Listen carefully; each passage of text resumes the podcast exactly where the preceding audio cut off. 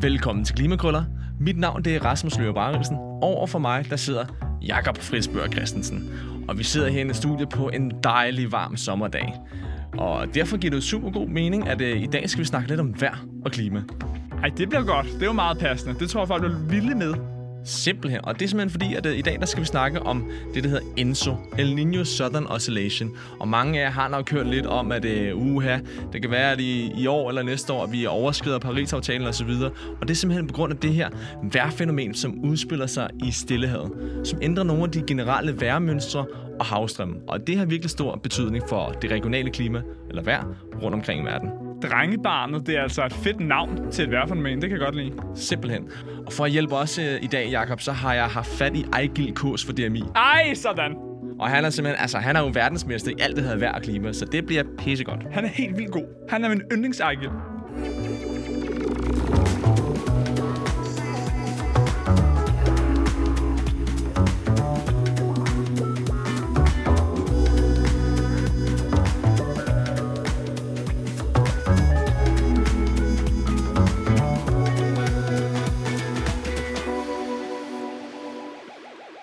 Nå, Jakob. Vi har lovet, at vi skal snakke lidt om øh, El Niño i dag. Og øh, vi kommer til at komme ind på særligt tre ting. Det første, vi skal finde ud af, det er, hvad hulen er det her drengebarn for noget. Altså, hvad er det for noget, der sker ude i stillehavet, og hvad er det for nogle værmønstre osv. Det næste, vi skal kigge på, det er, hvad det her El Niño simpelthen kan have betydning for, for værmønstre rundt omkring i verden, men særligt øh, Amerika, Nord- og Sydamerika, øh, men også Afrika og så videre, og Amazonas. Okay, okay, okay, ja. Så det kan simpelthen sprede sig, det der ellers sker nede i Stillehavet på den sydlige halvkugle. Simpelthen. Og det sidste, vi så skal snakke om, det er, som øh, nogen måske har læst lidt i medierne, hvad El Niño ligesom kan gøre ved den globale temperatur. Fordi man regner med, at 2024 bliver året, hvor at, øh, vi overskrider Paris-aftalen i et år, så at sige. Altså, der er ikke nogen tvivl om, at du både er geofysiker og livredder, når du kan tale så entusiastisk om noget, der egentlig gør verden endnu varmere. Vi burde sidde være i dårlig humør, men det der med, når du skal sidde på strandene, sidde og redde folk, der er det lækkert, at temperaturen er god. Og det er jo lidt det samme som geofysiker. Så sker der noget spændende nu, der er linje. Wow! Jamen, det er jo det, altså flere hedeslag og sådan noget der. Det gør bare, at jeg har mere arbejde, så det... Øh... Ej, jeg ved ikke, om det er fint nok, men øh, det er det, vi skal snakke om vi i dag. kører med det. Og inden at, øh, jeg kommer alt for godt i gang, så synes jeg lige, vi skal høre Ejkel Kås. Fordi jeg spurgte ham om, hvad hulen det her El Niño egentlig er for noget. Godt spurgt.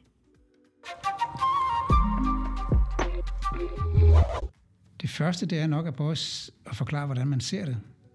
Fordi man, man opdager det typisk ud for Perus kyst, altså i Sydamerika, Sydamerikas vestkyst, lige ved ekvator, hvor man normalt har utrolig koldt vand øh, ved overfladen. Og det, det er simpelthen sådan, så det ikke er behageligt selv for en dansker at bade under normale forhold. Fordi det simpelthen er vandet er koldt. Og det er fordi, der, der vælger en masse koldt op, vand op ned fra, fra dybet, og også ned fra Humboldtstrømmen fra syd. Altså op langs Sydamerikas vestkyst. Og, det, og det, når der kommer sådan noget koldt bundvand op, så, så selvom solen er, bund, er enormt kraftig, så, øh, så bliver vandet faktisk ikke særlig varmt, som man skulle tro. Men så sker der det en gang imellem, så bliver det pludselig meget varmt. Eller koldere, end, endnu koldere, end det plejer. Og når det bliver meget varmt, og det er ofte omkring juletid, derfor navnet El Niño, det lille drengebarn, at det sker. Øh, og øh, der ser man så, at, at, at vandet bliver betydeligt varmere. Ikke fordi det er sådan rigtig varmt, men dog varmere, end det plejer at være. Så det vi hører Ejgil sige her, det er, at under normale omstændigheder, så har man altså en varm pøl, eller varmt havvand over det vestlige stillehav ved Australien og Indonesien osv., og, og noget koldt havvand over omkring Peru, altså Amerikas øh, kyst her, øh, i det østlige stillehav. Og så når en El Niño træder ind, så får man altså, at den her temperaturforskel, der er i stillehavet, den bliver ligesom udlignet, fordi noget af vandet fra vest løber over mod øst. Men jeg tror stadig ikke helt, jeg forstod. Ejgil sagde, at ved juletid, så bliver det ligesom varmere, eller også bliver det nogle gange endnu koldere. Det, ligesom- jeg tror ikke, hvad er normalen i det her område? Så man, øh, vi kan prøve at tegne det lidt simpelt op, og for at hjælpe de kompasblinde, så kan man måske forestille sig en, øh, en streg fra højre over ved Amerika, over til venstre, hvor vi har Australien og Indonesien. Og under normale forhold, så har man det, der hedder passatvindene, som blæser fra højre altså Amerika, til venstre mod øh, Australien og Indonesien. Og det hiver ligesom det her varme, varme overfladevand. Så det koncentrerer sig helt over mod venstre, altså Australien og Indonesien. Står der simpelthen et tykkere lag af vand hen ved Australien, end der gør ved Perus kyst? Det gør der faktisk. Øh, og det, øh, det leder mig til et spørgsmål, men det kommer lige om lidt. Så over ved øh, Australien og Indonesien, der har vi altså den her warm pool, som man kalder det. Et meget altså, koncentreret stykke af vand over vest, hvor der er markant varmere. Var det derfor, det var Australien, du tog til udveksling hos? Simpelthen, altså surfing i det varme vand, det er jo altid bedre end det kolde vand over den anden ende. Fordi man kan sige, det vand, som ligesom bliver trukket fra Amerika over mod Australien, det bliver ligesom erstattet af vand nede fra dybhavet. Og det er altså rigtig, rigtig koldt. Så derfor har man en markant koldere havtemperatur over øst på omkring Amerika. Og det vil sige, at man får en, øh, en situation, hvor der næsten er en temperaturforskel på 10 grader mellem øst, Amerika og vest, Australien og Indonesien. Og ud over temperaturforskellen, så er der nemlig også en, tempo, eller en højdeforskel. Og Jakob, det leder mig til det første spørgsmål til dig i dag. Så under normale omstændigheder, hvor meget højere er vandet så i det vestlige stillehav end i det østlige stillehav i centimeter? I centimeter. Hold op. Altså, øh, min forståelse af verdenshavene er, at de gennemsnitligt er omkring 2-3 km dybe. Så hvis det er mit udgangspunkt, så skal jeg jo prøve at se, hvad kan forskellen så umiddelbart være? Og du siger, det er centimeter. Øhm, jeg tør godt byde op på en halvanden meters forskel. Jeg siger 150 centimeter. Det er ikke et, øh, ikke et helt tosset bud. Det er en tredjedel af det, så det er 50 cm Ej, det var det første, jeg tænkte på. Og så der, ej, jeg skulle ikke have træt det. Ah, men altså cirka en halv meters forskel, det synes jeg er ret vildt i forhold til, at man, man tænker på, at vandet bare er fladt. Men det er det altså overhovedet ikke. Der er store havniveau forskelle rundt omkring i verden.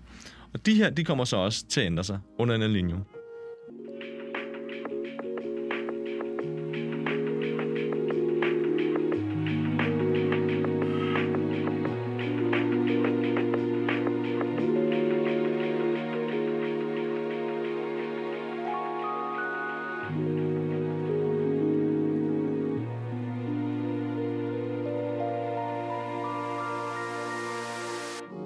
Nå, nu har vi hørt lidt om, hvad vejrforholdene normalt er i Stillehavet. Og det er vigtigt at forstå, at vandtemperatur har en enorm betydning for det regionale klima.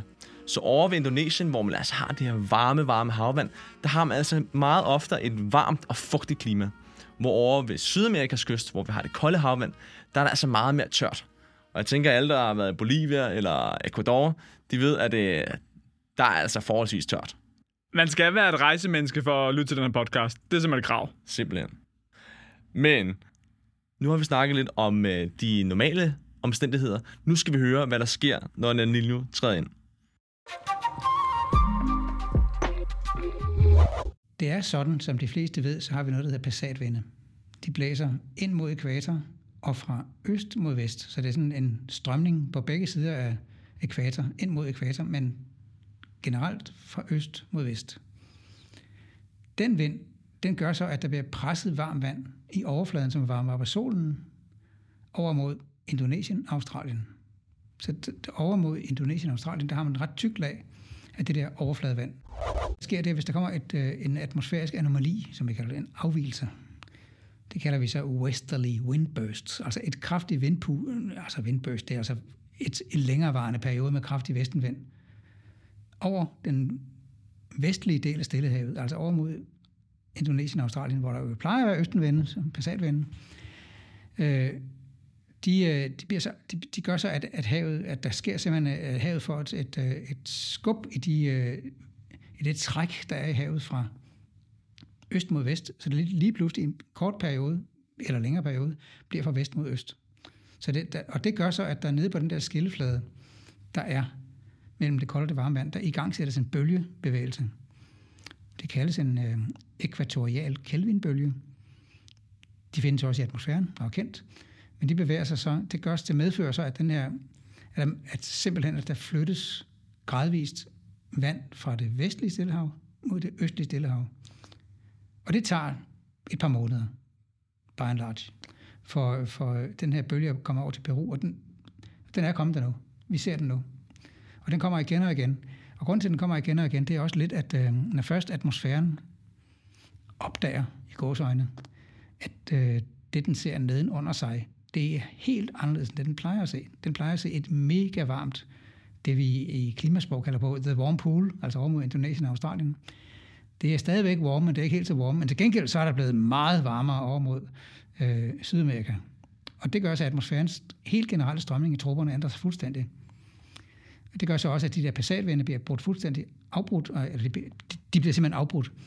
Det gør så, at, øh, at, øh, den, at der bliver til stadighed pumpet via de her Kelvinbølger øh, varmt vand i princippet fra øst mod, nej, undskyld, fra vest mod øst.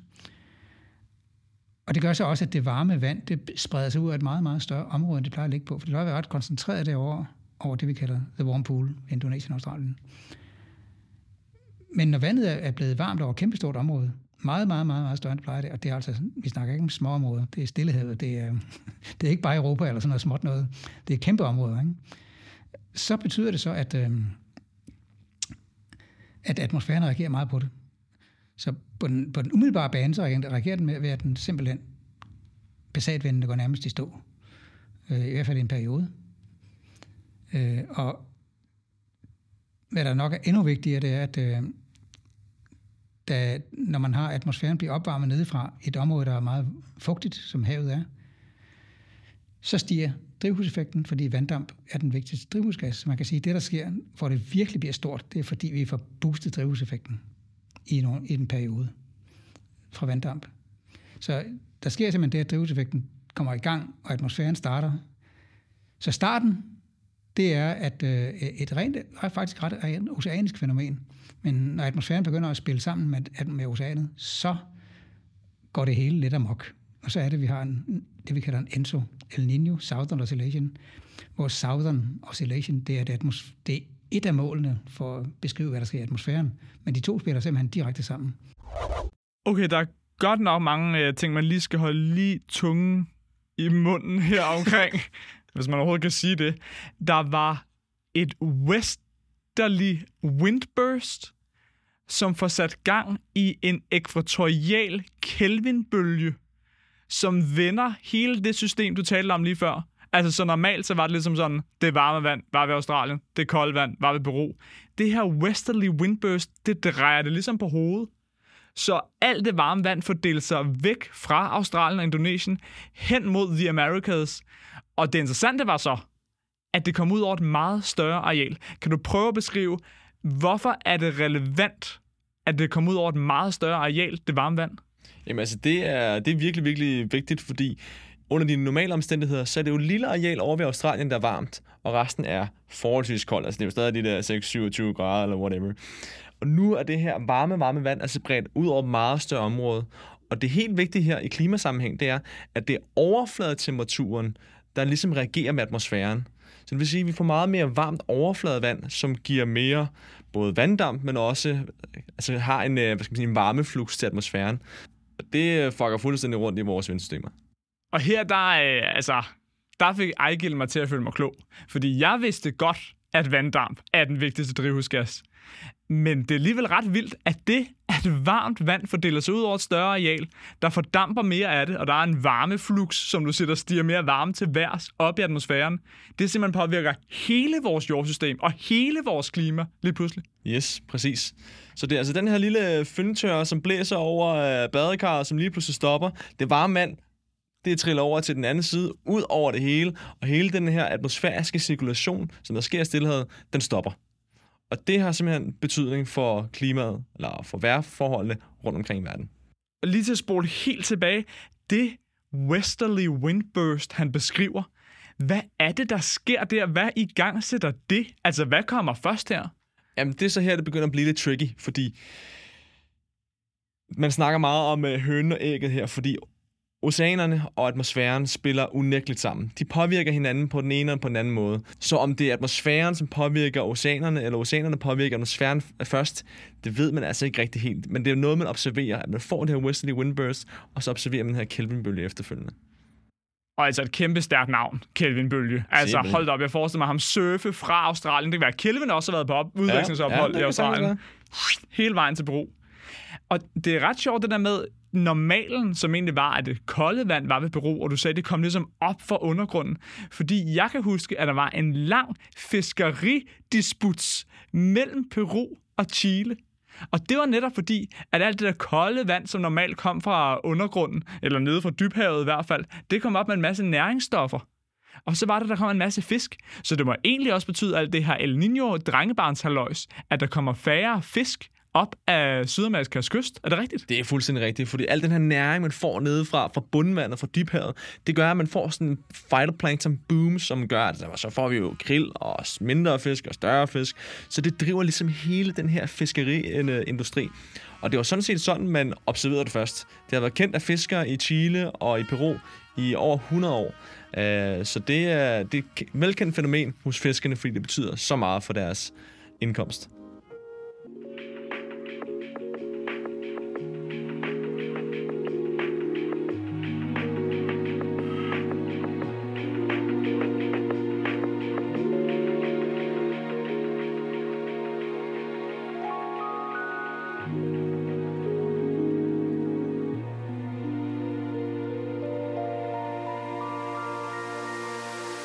Jakob, nu har vi snakket om, hvad hulen El Niño det er. Men øh, man kan jo hurtigt komme til at tænke på, hvad betyder de her små ændringer i øh, overfladehavstemperaturerne for os mennesker? Men det er derfor, El Niño er så pissespændende, fordi det viser bare, hvordan det hele hænger sammen med havstrøm, atmosfære, vejr og hele Mulchausen. Så nu skal vi altså lige høre Ejgen snakke lidt om, hvad betyder El Niño for os?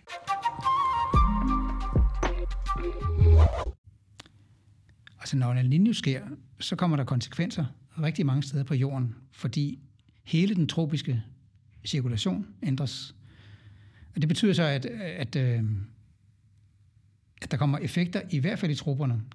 Det, der så også sker ud over det, der bare lige er i troberne, det er, at man har forskellige måder, hvormed atmosfæren er i stand til at kommunikere information fra et sted til et andet sted. Og øh, dem kalder vi så i meteorologisprog øh, stående Rossby-bølger. De, øh, de, øh, det er nogle, nogle fastlåste bølger, der så kan, ud, der kan overføre information fra et sted til et andet. Og et rigtig godt eksempel på det, det er, at øh, for eksempel om vinteren, når man har en kraftig El Niño, så vil man så langt væk som Alaska se, at øh, der er en meget mildere vinter, end der plejer, fordi der simpelthen opstår et højtryk, som gør, at der kommer vinde ind over Alaska, som ikke plejer at være der, altså fra sydvest øh, mere end der plejer i hvert fald. Øh, men det er ikke altid. Det er bare det, det, er bare det man ofte har set. Så det, det, hvis man skulle lave en sæsonprognose, så må man sige, at der er en god sandsynlighed for, at Alaska får en mild vinter i år, for eksempel. Men der er også rigtig mange andre ting. For eksempel så øh, det samme fænomen med de der stående og rosbybølger. Det er for eksempel, at man i, i det sydlige USA, øh, specielt måske over mod sydøst, Florida, vil se, øh, at det bliver vådere normalt om vinteren. Men der er mange andre effekter. Der er også øh, steder, hvor det bliver mere tørt. Der er steder, der er udsat for tørke og varme. Øh, for eksempel i den østlige del af Syd- øh, Sydafrika. Det er sådan noget som, sådan noget som den sydlige del af, af Sydafrika. Der, der, kan være, der, kan være, der kan være en tendens til, at der kan blive mere tørt. I det nordøstlige Brasilien for eksempel, der, der, er, der er nogle meget store landbrugsområder faktisk. Altså, selvom altså, det er ikke der, hvor der er Amazonas, men uden for det, altså ud mod havet, der er nogle store landbrugsområder, som er udsat for tørke, specielt i den, det, vi kalder den nordlige halvkugles vinter, øh, altså december, januar og februar, hvor man faktisk har meget landbrug der, øh, som kan blive presset af, at det bliver meget tørt. Det, det er det typiske billede, man har set i de gamle, eller tidligere El Niño. Så, så det, er, det, kan, det kan betyde meget. Okay, så altså, øj, der sker mange ting under sådan en drengebarnsår. Så op ved Alaska, Canada, der blev det en mildere vinter. I det østlige Sydafrika, der blev det tørre. Og Gud hjælpe mig, om det ikke også blev tørre for de stakkels brasilianske landmænd. Det var også tørt. Altså, what is going on? Ja, men altså, så, så det der jo er specielt ved El Niño, det er, at vejret skifter fuldstændig nogle steder. Og det gør simpelthen, at der, der sker nogle vejrhændelser, som vi ikke er parat på. Og man kan ligesom dele det lidt op i to. Der er nogle steder, der bliver tørre, og det er for eksempel i Brasilien. Det kan gå ud over høsten af soja. Det kan også gå ud over Amazonas, at vi ser flere bushfires. Det samme ser vi over i Australien, hvor noget af det her varme vand forsvandt, og det blev koldere. og det er så blevet tørrere. Så der kan vi se det samme. Vi ser det også i for eksempel Sahel-området i, i Afrika, hvor vi har problemer med, at det bliver tørrere og tørrere og tørrere. Omvendt, så har vi andre steder, hvor det bliver vådere, og det er især i det nordlige Sydamerika og i vestkysten af USA. Og der har man historisk set haft nogle rigtig slemme, øh, hvad skal man sige, oversvømmelser, altså regnoversvømmelser, på grund af, at det bliver markant vådere. Og det har selvfølgelig, øh, altså det er selvfølgelig uheldigt, kan man sige, men det har også, hvad skal man sige, økonomiske konsekvenser. Eksempelvis var der en undersøgelse fra Dartmouth College, som estimerer, at El Niño i 2023 kan komme til at koste verdensøkonomien 3,4 trilliarder dollars over en femårig periode. Og de nævner også, at øh, stærke El Niño'er, vi har set førhen, altså den i 82-83 eller 97-98, betyder, at BNP'en i USA var 3% lavere, end det ville have været fem år efter. Og som det altid er, så er det jo de fattigste steder, der bliver ramt hårdest. Som man så, at det i Peru og i Indonesien, der var faldet i BNP altså 10% i op til fem år efter. Hold da op. Og alt det her, det ved man på baggrund af tidligere El Niño-fænomener. Altså, hvor hyppigt har de her El Niño'er været der? Så det er mellem to til syv år, at vi ser de her El Niño-endelser. Og øh, det kan så være i større eller mindre grad. Så man kan sagtens have haft en, øh, en mild El Niño, og så fem år efter sker det en markant værre El Niño. Okay, hvornår, hvornår var den seneste? Så den seneste var i år 2016. Nej, nej, nej, nej, nej. Det er samme år, som Trump blev valgt, som Brexit. Altså, alt skidt. Ja, men altså, alt står på hovedet det år i, øh, i verden. Så. Det kom jeg til at sige til min mor engang, og så sagde hun, for pokker, Jacob, det var det år, din æse blev født. Og så sagde jeg, undskyld. Så i hvert fald, El Niño, det kan have virkelig, virkelig slemme påvirkninger på landbrug, på tørke, på Great Barrier Reef, som også under El Niño ser de her store, store bleaching events. Så det, det har virkelig store konsekvenser regionalt set. Okay, okay, Rasmus, du har, du har fortalt os, jamen, hvad er El Niño egentlig for noget? Og vi har i den grad også fået set på nogle øh, regionale konsekvenser. Hvad kan man gøre for ligesom at imødegå de konsekvenser? Altså, hvad er det, øh, landmænd og politikere og alle mulige verden over bør begynde at se ind i nu? Jamen, øh, man kan sige, det, det første gode er, at vi er kommet ind i en tidsalder, hvor vi har en meget bedre forståelse af de her fysiske mekanismer, fordi vi har måleinstrumenter i, i vandet, og til lands, og i luften, og i rummet, og alt muligt. Så derfor har vi en noget bedre forståelse af, hvornår de her events de sker, og også en vis del tid, før end at de ligesom sætter ind. Øhm, så derfor kan det faktisk godt være, at jeg lige skal stille dig et lille spørgsmål. Fordi at, øh, historisk set, så har man øh, målt på havtemperaturen i det vestlige Stillehav og det østlige Stillehav, og så ligesom den temperaturforskel har givet os et indeks, et Southern Oscillation Index hedder det, som ligesom beskriver, hvor slemt er det her El Niño. Så det kan være, at øh, jeg lige stiller et spørgsmål, der hedder, hvilke to steder lavede man de målinger? Og laver man stadig de målinger? Uh, hold da op.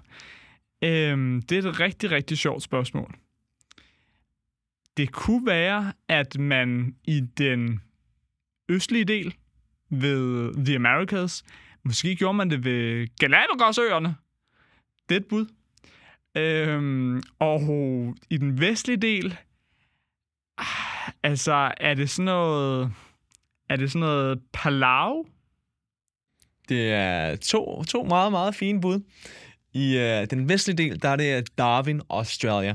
Så helt oppe i det nordaustralske, der har vi en lille by, der hedder Darwin, og der måler man det til vest. Pokkers! I øst er det sådan lidt tricky, fordi det, det er faktisk mere midtestillehed. Det er ved Tahiti i fransk Polynesien. Nej! Så man måler generelt øh, temperaturen. Hvad er det de to forskellige steder, og hvad er forskellen? Og på den måde kan man ligesom sige, jamen, er det en El Niño, vi har, eller er det La Niña? Eller er det, som det oftest er, neutralt? Jeg var engang tilskuer til VM i strandfodboldhold, hvor Tahiti var overraskende gode, og deres fysioterapeut kom og gav mig hånden, og han havde verdens største hånd. Han havde simpelthen masseret musklerne ud af de spillere der. Det jeg kan sagtens forestille mig, at Tahiti det er et sted, forskerne gerne vil tage hen for at tage målinger. Absolut at få et ordentligt håndtryk. Lækkert. Men det kan være, at vi lige skal høre uh, Ejgil, hvad han har at sige om forudsigelser af El Niño. Hvordan kan man forudsige det? Jamen, det er jo øh, noget, som har været i fokus i årtier. Altså, faktisk fra jeg var helt ung og begyndte at se på det her som phd student der øh, fandt jeg ud af, at øh, man har, et, øh, man har opbygget et meget, meget fornemt målesystem, altså et array, altså et sæt af bøjer øh, i Stillehavet, i det tropiske Stillehav, Stillehav omkring ekvator, hele vejen på tværs af Stillehavet, som hele tiden måler på den her skilleflade mellem det meget kolde bundvand, eller oceanvand, der generelt er. Det er ikke bundvand, det er bare oceanvand, det er koldt. Og det der varme overfladevand. Den der skilleflade, som ligger i fra nogle få 10 meter over mod Peru til måske flere hundrede meter over mod øh, den vestlige del af Stillehavet, der, øh, der, øh, der har man bøjer, der man måler, hvad temperaturen er i det der område. Og så snart man ser, at der er noget, der ændrer sig, og det kan typisk være et, et vestligt vindpust, der gør, at der kommer en, en, nogle, nogle processer, som bliver ustabile, så, så, så kan man simpelthen måle, at den der bølgebevægelse er begyndt over i den vestlige del af Stillehavet, så kan man bruge almindelige klimamodeller, som vi bruger til, også til fremskrivning af klimaet, øh, og til vejrprognoser og alt muligt andet. Det hele er bygget sammen i vores dage. Så kan man simpelthen måle, at den der bølge er kommet i gang. Når man kan se, at den er kommet i gang, så kan man også simulere den. Simpelthen fordi det er meget velkendte fysiske processer, der er i gang. Det har noget med Corioliskraften at gøre, jordens rotation osv. Og den, det kan man meget vel simulere i de her modeller. Så den måde, man måler El Niño på, det er som øh, også i de gamle dage sådan set, at man har en målstation i Darwin og en i Tahiti. Nu er det så blevet lidt mere avanceret, at man har sådan en helt array, kalder han det, en hel række af bøjer langs Stillehavet. Altså man har altså en masse målepunkter langs Stillehavet. Og der måler man, hvad temperaturen er, og hvordan den skifter. Og ved at måle på dem, så kan man se, uha, nu begynder der at ske noget. Nu begynder det varme vand at flytte sig mod øst. Og når man allerede kan se det, så kan man altså simulere den her bølgebevægelse, som sætter sig i gang, og estimere, hvornår den kommer over til den anden del af Stillehavet, og hvornår man så vil mærke de her forskellige effekter rundt omkring. Og det der Ejgil sagde helt i starten, det med, at jamen, den bølge har vi allerede set bevæge sig nu, så nu venter vi sådan set bare på konsekvenserne. Ja, absolut. Og det er omkring øh, altså november-december, at man plejer at se det over i øh, Peru og Chile. Og det er El Niño, drengebarnet Jesus. Det er en juleting. Sí, sí, señor.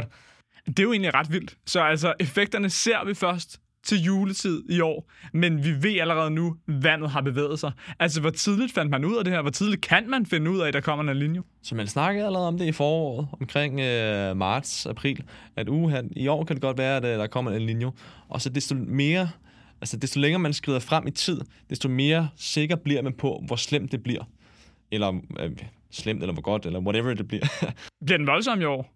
Jamen, øh, man regner med, at det her bliver en, øh, en kraftig El Niño, og rundt omkring så snakker man om en super El Niño, som er måske lidt poppet, men øh, en kraftig El Niño i år i hvert fald. Det, det, det regner man med. Jeg tænker også lidt blasfemisk. Altså, hvis forvejen El Niño refererer til Jesus, så er det ligesom at se en super Jesus. Det er sådan ja, lidt blasfemisk, er, er det ikke? Ja, det er, det er lidt blasfemisk. Det, det, det giver et rette i, Jacob. Men øh, under alle omstændigheder, så er det virkelig vigtigt, at vi kan forudsige det så lang tid i forvejen. Fordi at, øh, han nævner, øh, uh, Ejgil her, nordøstlig Brasilien, hvor man har masser af landbrug. Men sådan er det altså også i Indien, hvor man, øh, man ser ofte, at under en El Niño, så bliver monsunvinden altså noget sværere. Det vil sige, at man får ikke den regn, man, man regner med. Så der kan også være mere tørke i Indien. Og det er jo kraftet med the breadbasket of... Øh, of, uh, og det er jo fandme øh, the breadbasket of the all øh, of Asia, du ved. Så det er altså en halvanden milliard mennesker der, som ikke får den høst, de regner med. Jeg er stadig vild med, at vi sidder og griner det her. Hold op. Du har, du har hjulpet os igennem at forstå, hvad El Niño er, og de regionale konsekvenser. Og, og du har teaset for, at vi også skulle videre og se på klimaeffekterne. Men var der ikke noget med, at drengebarnet blev akkompagneret af en drengepige, La Niña, hvad, hvad er Ninja? La, la Ninja. Kan jeg overhovedet tale spansk for Solan der? Senor Jacob. Jamen, La Niña er måske, kan man sige, det modsatte af El Niño. Så det er sådan set bare, nu snakker vi om, hvad de uh, normale omstændigheder var. Det er sådan set bare en mere ekstrem udgave af de normale omstændigheder. Så det vil sige, at den her hvad skal man sige, højdeforskel, den bliver større, men det bliver også endnu varmere i Australien og endnu koldere i Sydamerika. Så det er sådan set bare en mere ekstrem udgave af det normale. Så under en La Nina, der er kæmpe mange fisk i Peru og Chile. Der er simpelthen, altså over det hele, det svømmer med dem. Jeg tænker stadig på de starsfiskere. Det er synd for dem.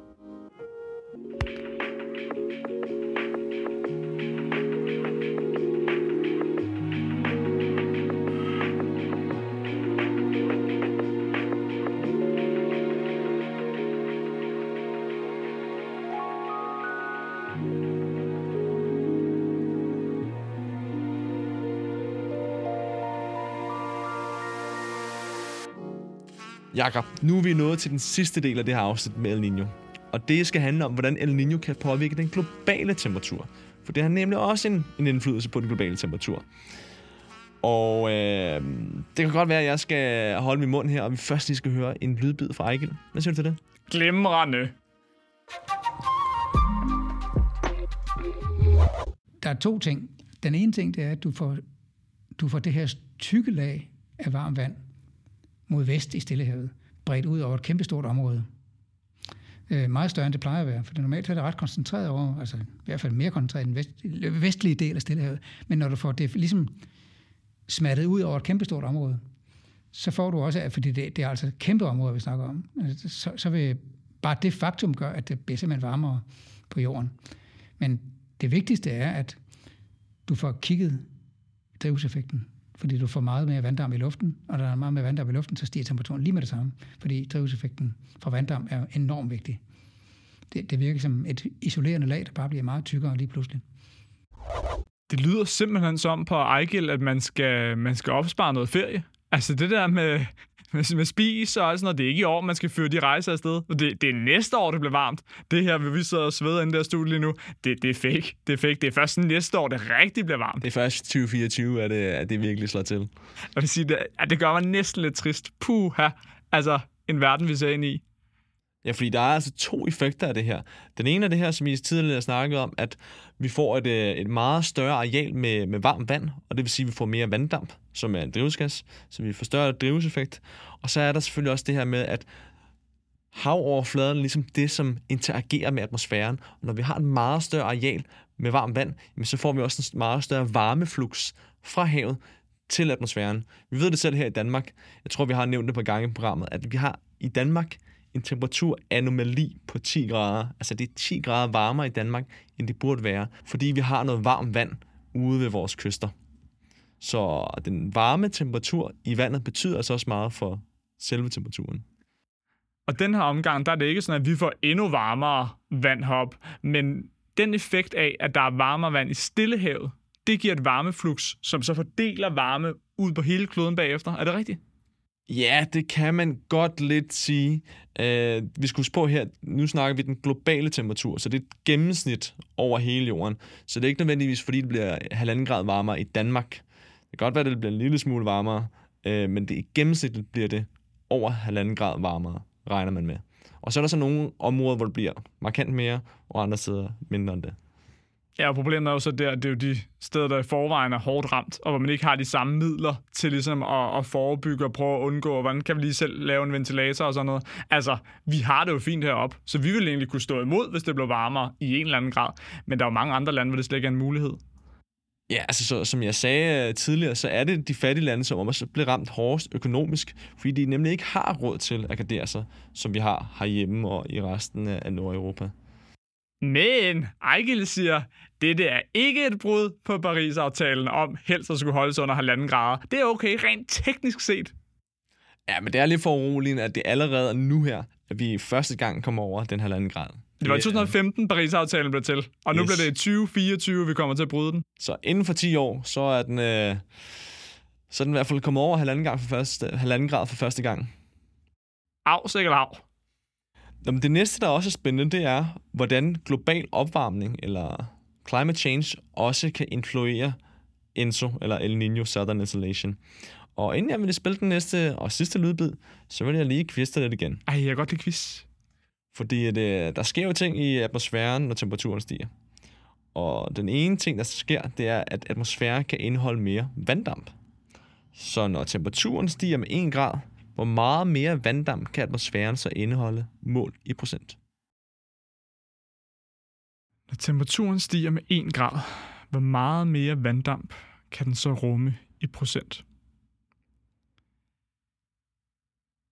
Jeg tror, at den kan rumme 10% mere. 10% mere. Jamen, øh, så skal vi jo lige høre en lille lydbid og høre, hvad, øh, hvad Ejgel K. så har at sige til det.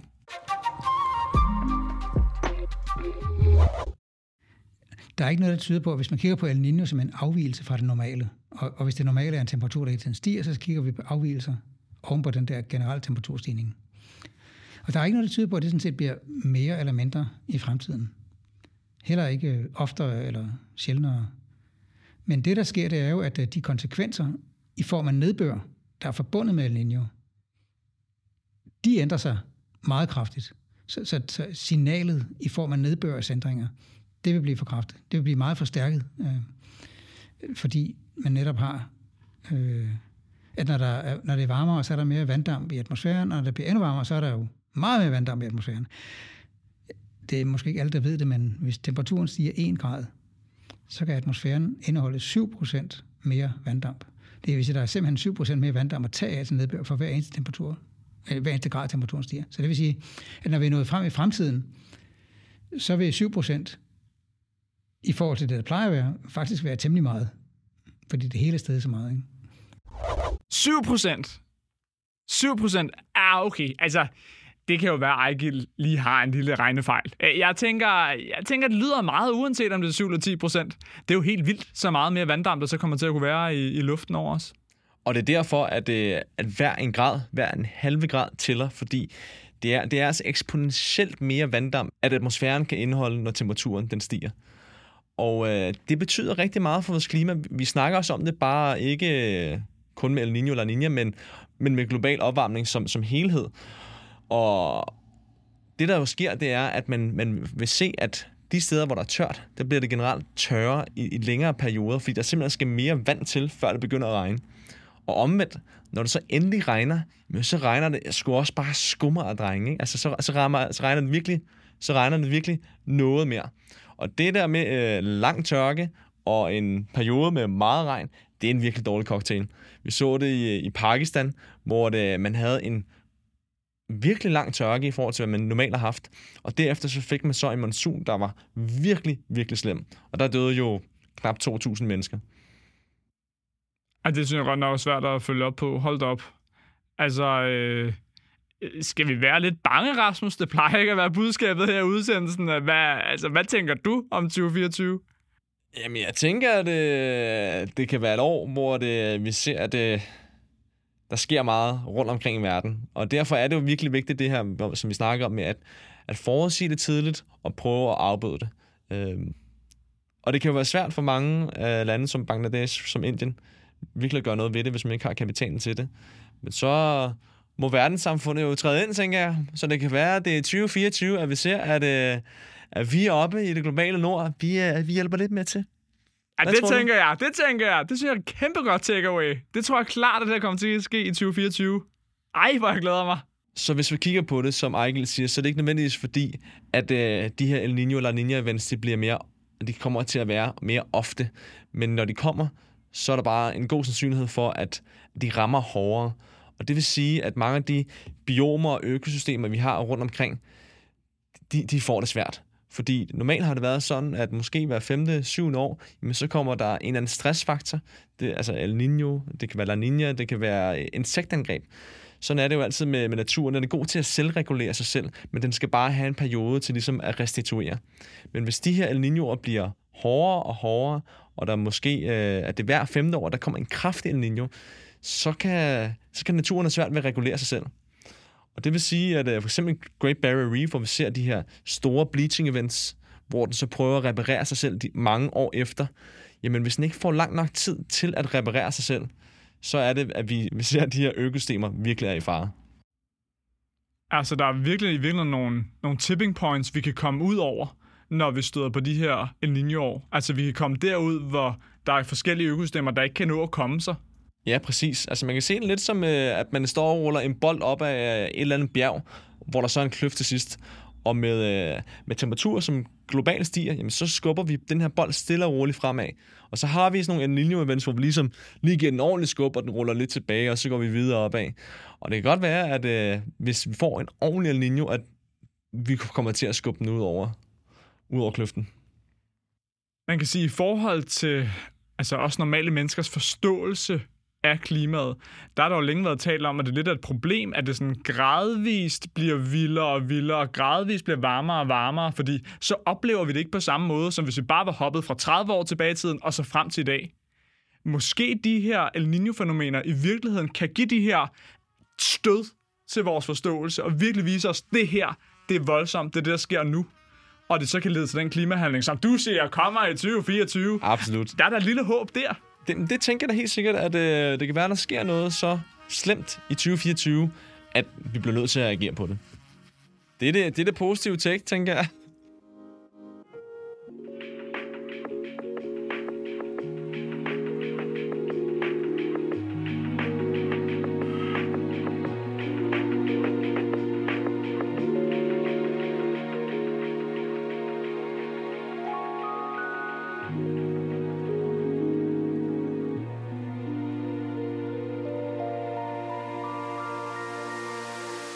Nu har vi snakket meget om det, der kan ske ved en El Niño.